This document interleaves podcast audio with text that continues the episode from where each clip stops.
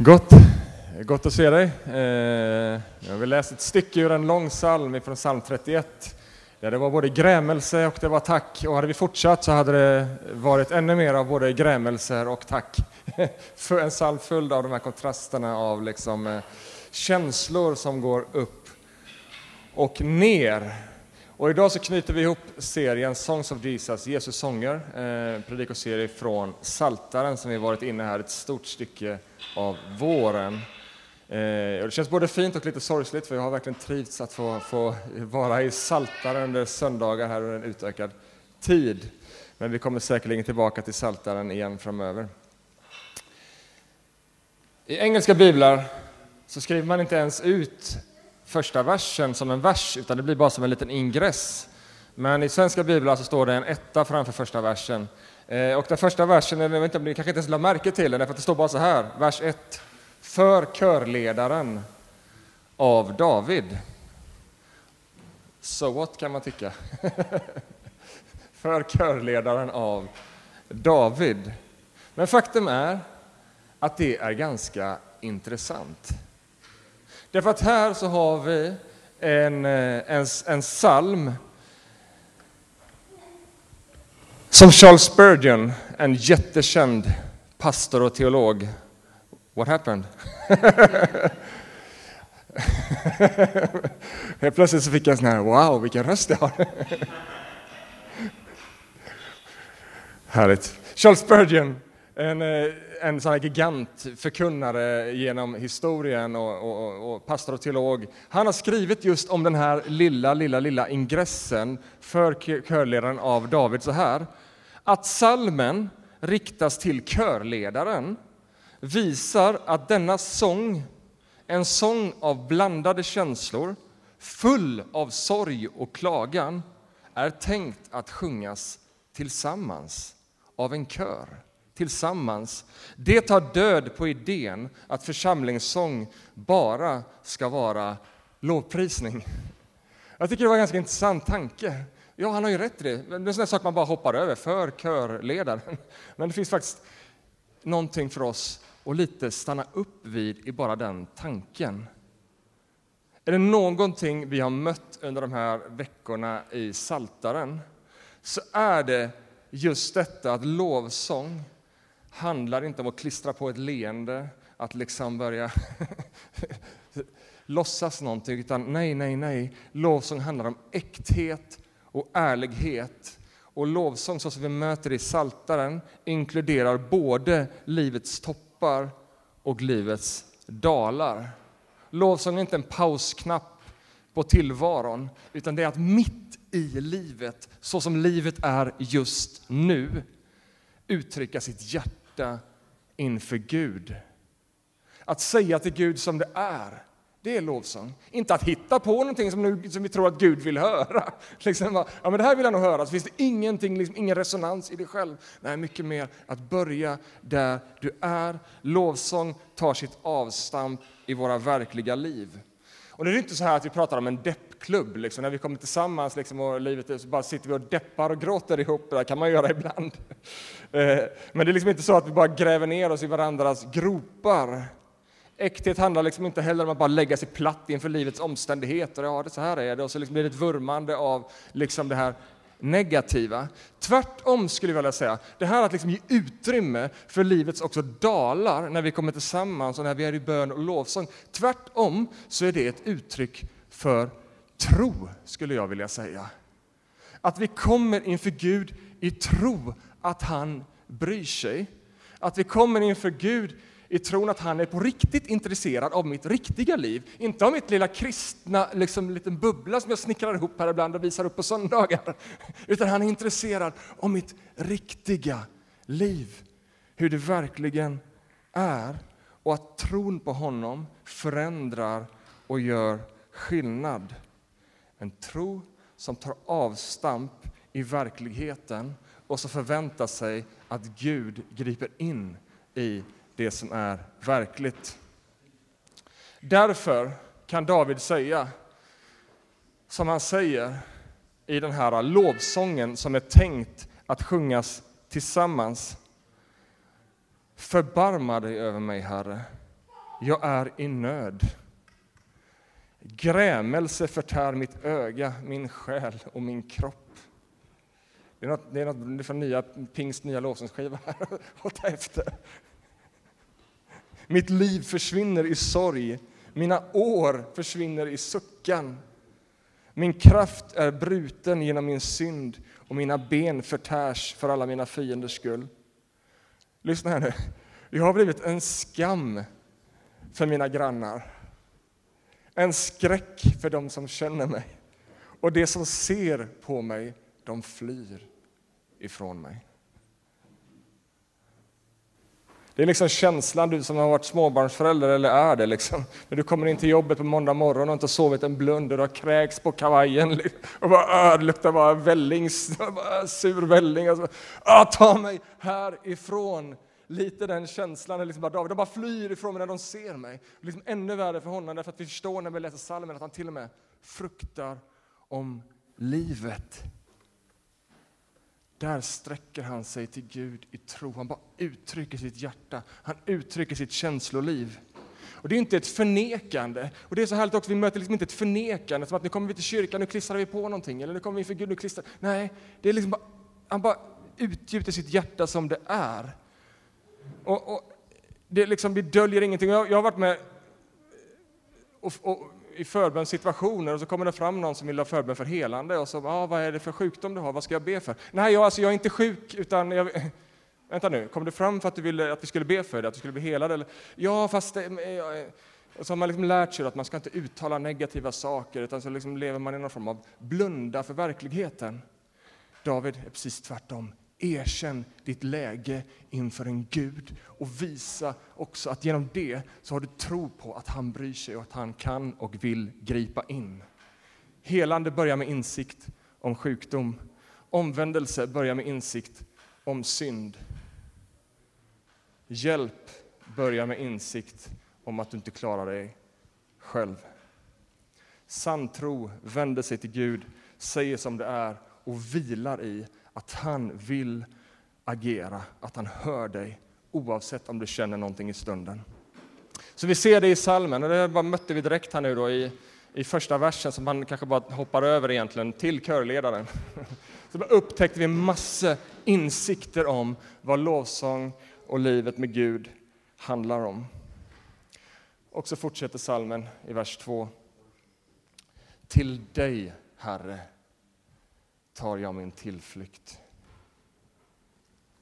Till dig, Herre, tar jag min tillflykt.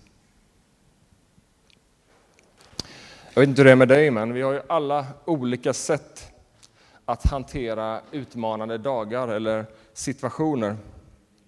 Fler än ett Ben Jerrys paket har köpts i vår familj. För att överleva ännu en dag. För att avsluta dagen med lite mer pepp än vad den, vad den var innan.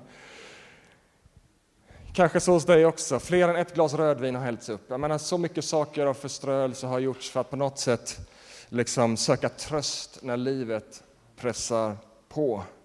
Och det behöver ju inte vara fel att ge sig själv lite extra kalorier och liksom en paus ifrån, ifrån, ifrån tillvaron.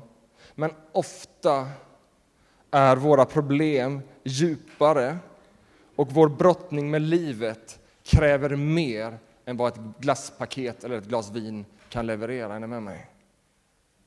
Var har du din tillflykt?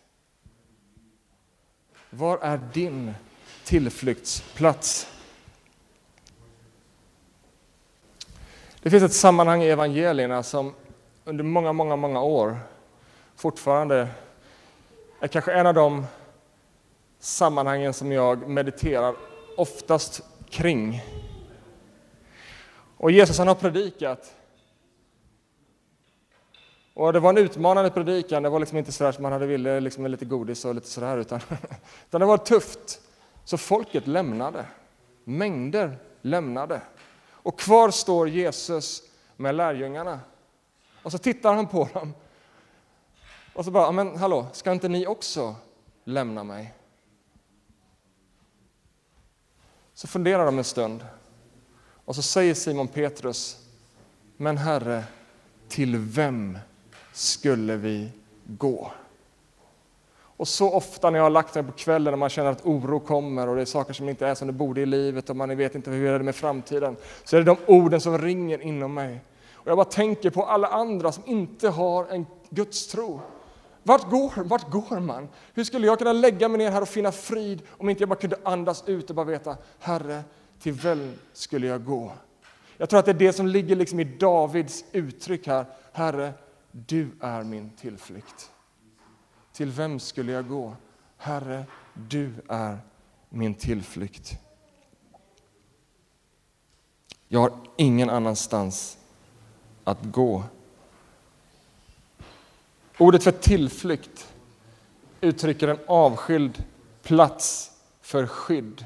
På engelskan säger man hiding place. He's our hiding place, vår tillflykt, vår plats att gå för skydd och, och, och för att få vila. Avskildhet, trygghet och beskydd. Du kan söka det där.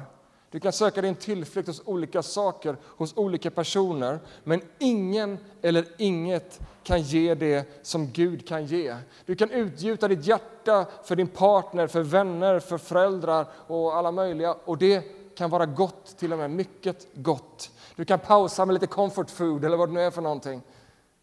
Men det finns bara en vars tålamod aldrig tar slut. Det finns bara en vars makt saknar gräns, vars kärlek är oändlig och vars nåd är obegränsad. En som aldrig pausar, en som aldrig sover. Som finns där dag som natt. Herre, du, du, du är min tillflykt. Och så fortsätter David med att beskriva Herren som sin tillflykt. Och när han gör det så gör det han det både som en bön och som en bekännelse. Vers 3. Var min fasta klippa, en borg till min frälsning. För du är min fasta klippa och min borg. Du ska leda och föra mig för ditt namns skull. Du ska lossa mig ur nätet som de lagt ut för mig, för du är mitt beskydd. Jag tycker det är lite intressant det där, att det är både en bön och en bekännelse. Var min fasta klippa en bön. Var min fasta klippa. För du är min klippa och min borg. Bön kan vara lika mycket ett rop till Gud som det också är en bekännelse för en själv, en påminnelse om vem Gud är. David ligger i både och var. Var, Herre, var. Herre, jag ber om din hjälp, för du är hjälparen. Det är också en bön som grundar sig på intimitet. Var min, för du är min. Jag menar, Gud kan ju vara precis vad som helst. Jag menar, han kan ju vara som tomten på julafton, liksom. bara yes alla barnen, yes. Men så länge inte han är tomten för mig så spelar det ingen roll. Om inte han dyker upp i min skorsten så spelar det ingen roll. Gud kan vara precis allt möjligt. Bara, Åh, Gud är så fantastisk! Ja, det var ju roligt för dig. Men här möter vi en Gud som är din Gud, som är min Gud. Var min, för du är min Gud. Du är mitt beskydd. Du är inte bara någon annans beskydd. Du är inte bara någon annans Gud. Du är min Gud. Du är för mig. Du är min borg. Du är min klippa. Det är intimitet, det är närhet. Och intimitet och relation med Gud, lyssna nu, kan ibland involvera känslor. Ibland. Men känslorna är inte den avgörande faktorn. Långt viktigare än känslor är insikten, är vissheten, är kunskapen, är övertygelsen, tron att Gud är min Gud. Ibland känns det. Ibland så får du bara, nej, du är min Gud och du får lita på den inre övertygelse, hur den helige Ande i ditt hjärta vittnar med din ande om att du är ett Guds barn, om att du tillhör honom. Även om det inte känns så. Och ibland känns det. En del människor verkar ha jättemycket känslor. De bara känner, jag bara känner, jag är knappt kristen när jag träffar dig, för jag känner ju ingenting i jämförelse. Men vet du vad? Jag utmanas inte av det, därför att jag vet att min tro är inte baserad på vad jag känner, utan jag är baserad på vad som ligger i mitt hjärta. Vad som ligger i mitt hjärta, det han har deponerat. Han är min Gud.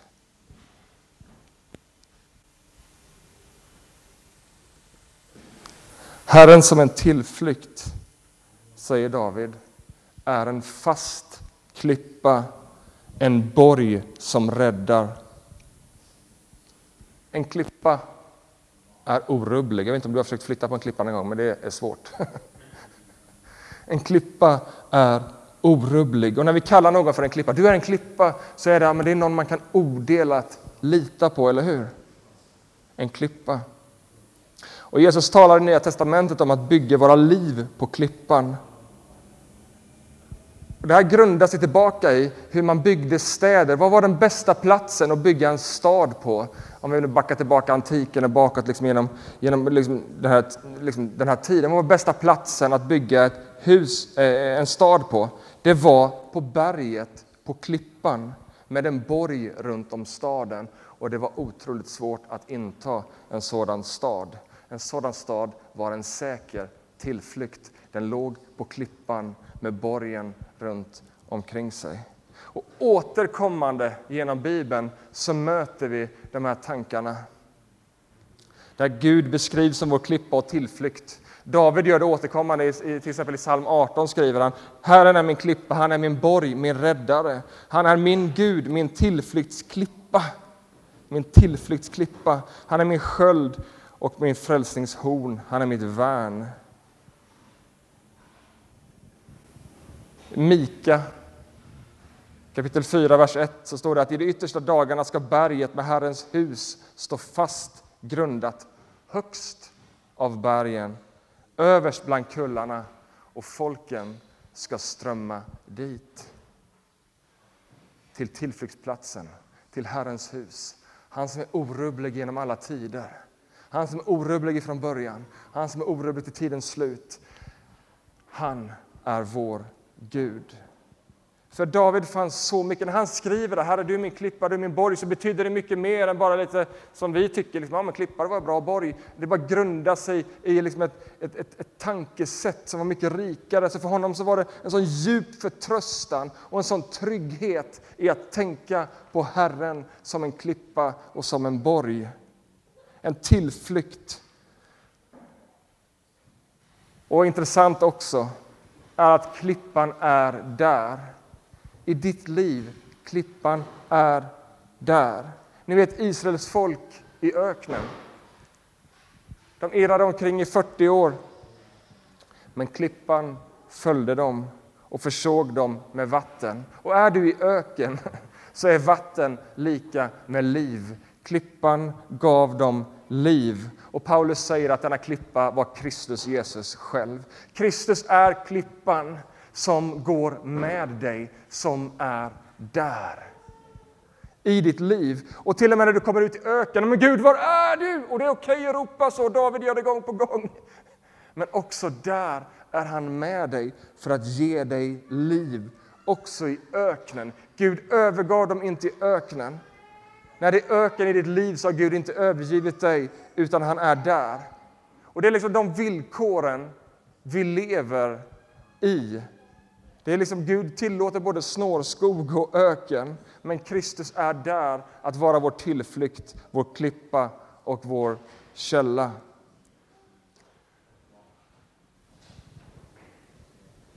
Håll fast vid det. Också dagar när det inte känns så. Håll fast vid det. Kom ihåg Davids bön. Var min, för du är min. Var min, för du är min. Alltså en god bön att be. Ja, det känns inte riktigt som du är min. Men Herre, var min, för du är min.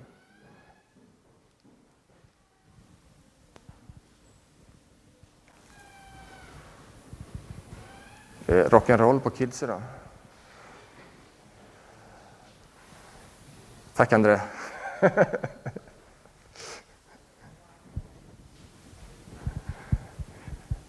Till dig, Herre, tar jag min tillflykt. Låt mig aldrig behöva skämmas. Rädda mig i din rättfärdighet. Vers 2. Rädda mig i din rättfärdighet. I din rättfärdighet. Vilken bön! Det är liksom, du är skyldig, du är dömd inför domstolen. Och så bara liksom står du där och så, nej men rädda mig för att min granne är oskyldig.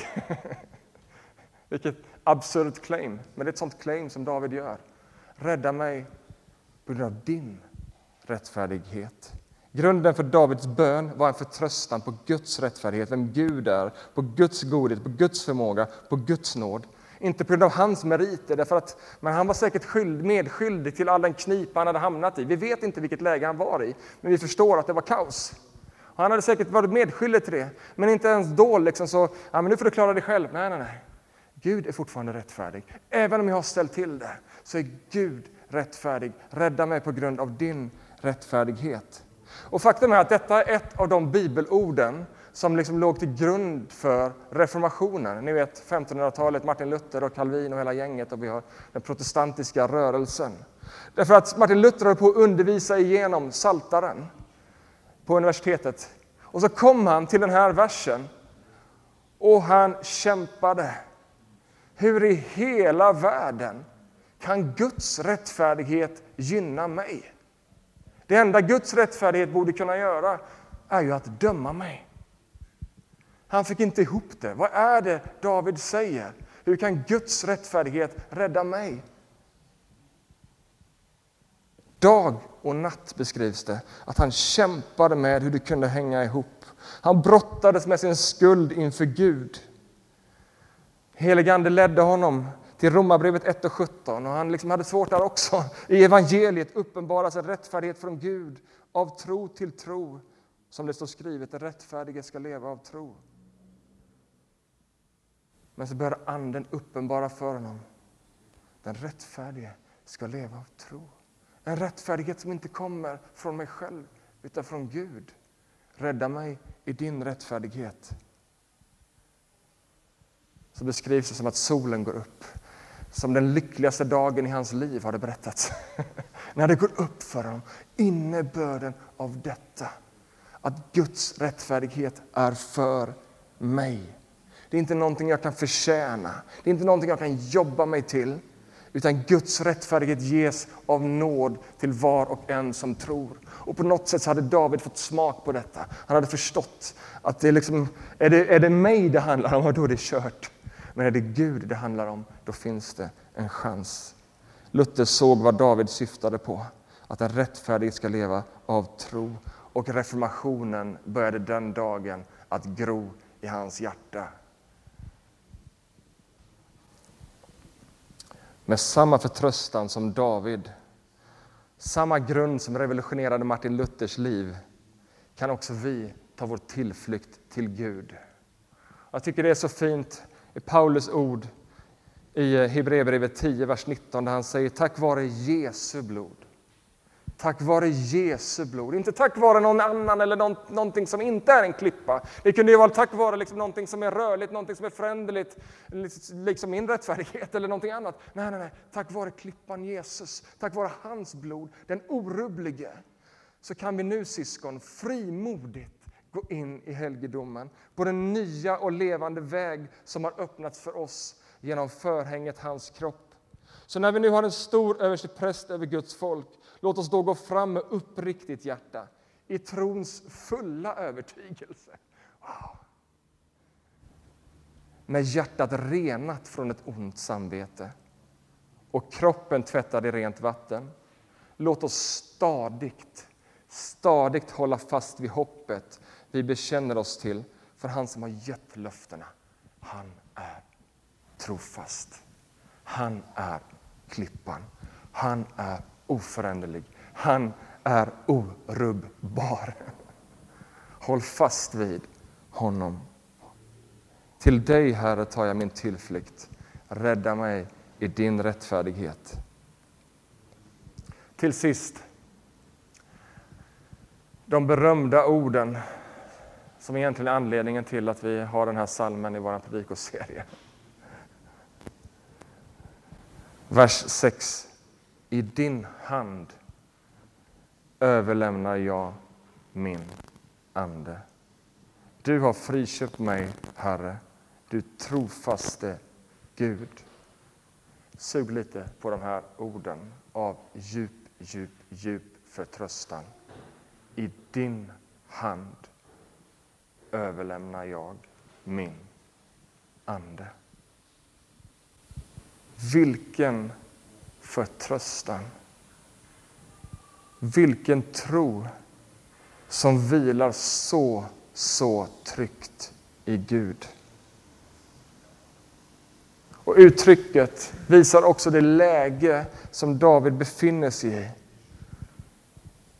Man kan liksom känna någon form av fruktan kring livet.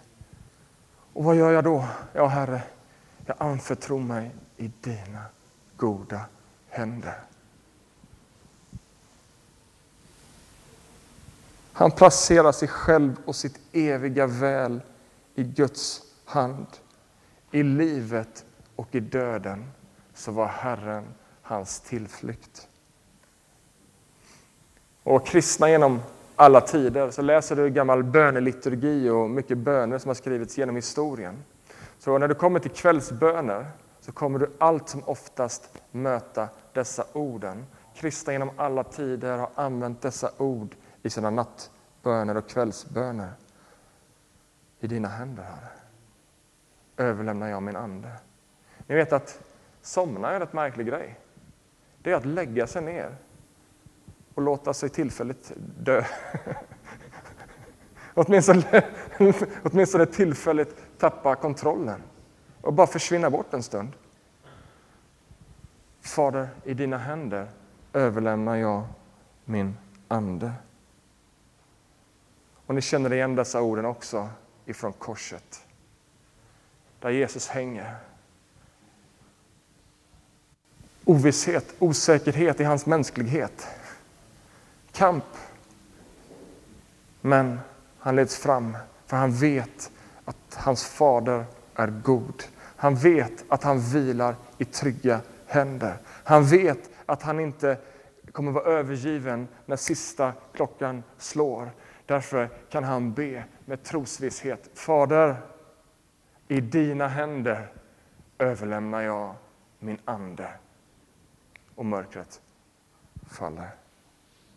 Fullständig överlåtelse till Faderns vilja.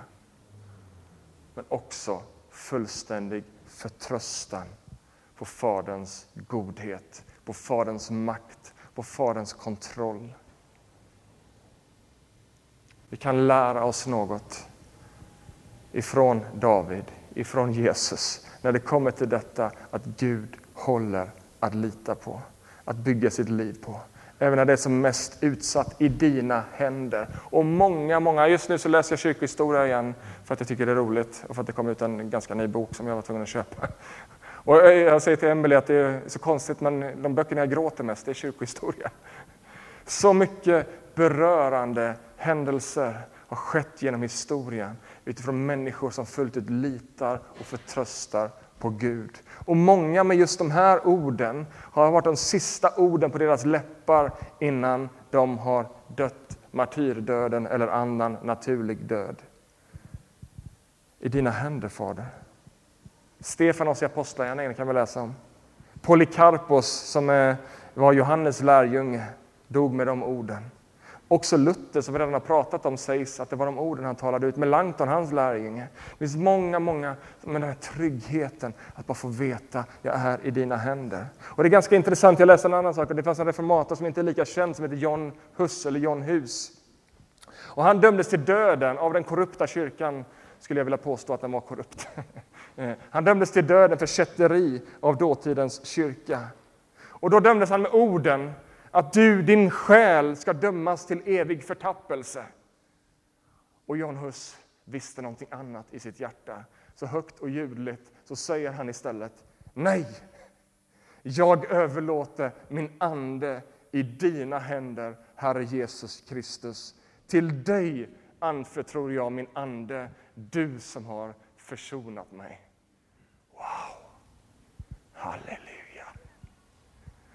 Vad är det för tro som till och med håller i en sån situation? Vad är det för en förtröstan som håller också när allting är kaos? Det finns ett uttryck som lyder i skyttegraven finns inga ateister. Det är liksom någonstans i sista halmstrået. Liksom. Ja, men Gud, du, du, du måste finnas. Men jag vill uppmuntra dig att inte bara använda Gud som ett sista halmstrå. Att inte bara liksom, ja, men det där med Gud, det får liksom inte så viktigt nu, men någon gång när det krisar, då kan jag väl komma till Gud. Nej, lev inte med Gud som bara ditt sista halmstrå. Lev med honom som ditt första halmstrå. Lev med honom, liksom bara vänd. Han är en tillflykt. Han är en plats i nöden, väl beprövad. Vänd dig till honom och låt honom få vara den plats där du finner styrka, vila, mod, glädje, tröst. Salmen avslutar med orden Var starka och modiga i era hjärtan. Take heart, står det i den engelska översättningen. Var starka och modiga, alla ni som hoppas på Herren. Och faktum är att det står var modiga, i den, i, om man tittar man närmare i, i grundspråket så står det var modiga och han ska styrka era hjärtan. Det är lite den här nya och levande vägen så vi får komma in för honom frimodigt och han ska styrka era hjärtan. Så vi lägger oss inte platt inför livets utmaningar, men vi blundar inte heller för dem. Men vi kommer inför honom frimodigt i hur än livet är och söker hjälp och söker tröst och söker barmhärtighet i rätt tid. Var modiga. Ditt största behov just nu är inte en ny uppenbarelse eller en ny insikt. Ditt största behov just nu skulle jag vilja säga är att våga sätta din förtröstan till det du redan tror på. Att våga lita på att han är din tillflykt, din klippa och din borg. Han som har gett löftena, han är trofast. Oavsett vilket kaos livet har kastat på dig så är Gud att lita på. Oavsett vilken situation du är i så är Gud en tillflykt att räkna med. Och nu står jag här och bombarderar ut som att jag är så självsäker i allt det här. Jag skulle säga att din självsäkerhet handlar inte så mycket om mig, utan det är vad ordet säger. Att du får komma till dig i den heliga Andes kraft. Lita inte på mig, lita på Guds ord och på den helige Andes verk in i ditt liv. Och Bibeln lär att han vill vara vår tillflykt. Gud välsigne dig. Amen. Tack Herre för ditt ord. Jag ber att det ska verka i våra liv. Jag ber att det ska tala. Ni, ni kan vänta en liten stund faktiskt. Jag ber att det ska verka och förändra. Jag ber att det ska beröra. Jag ber att det ska komma som liv. Amen. Eh, nu är det ju så här att eh, eh Simon och Anna-Karin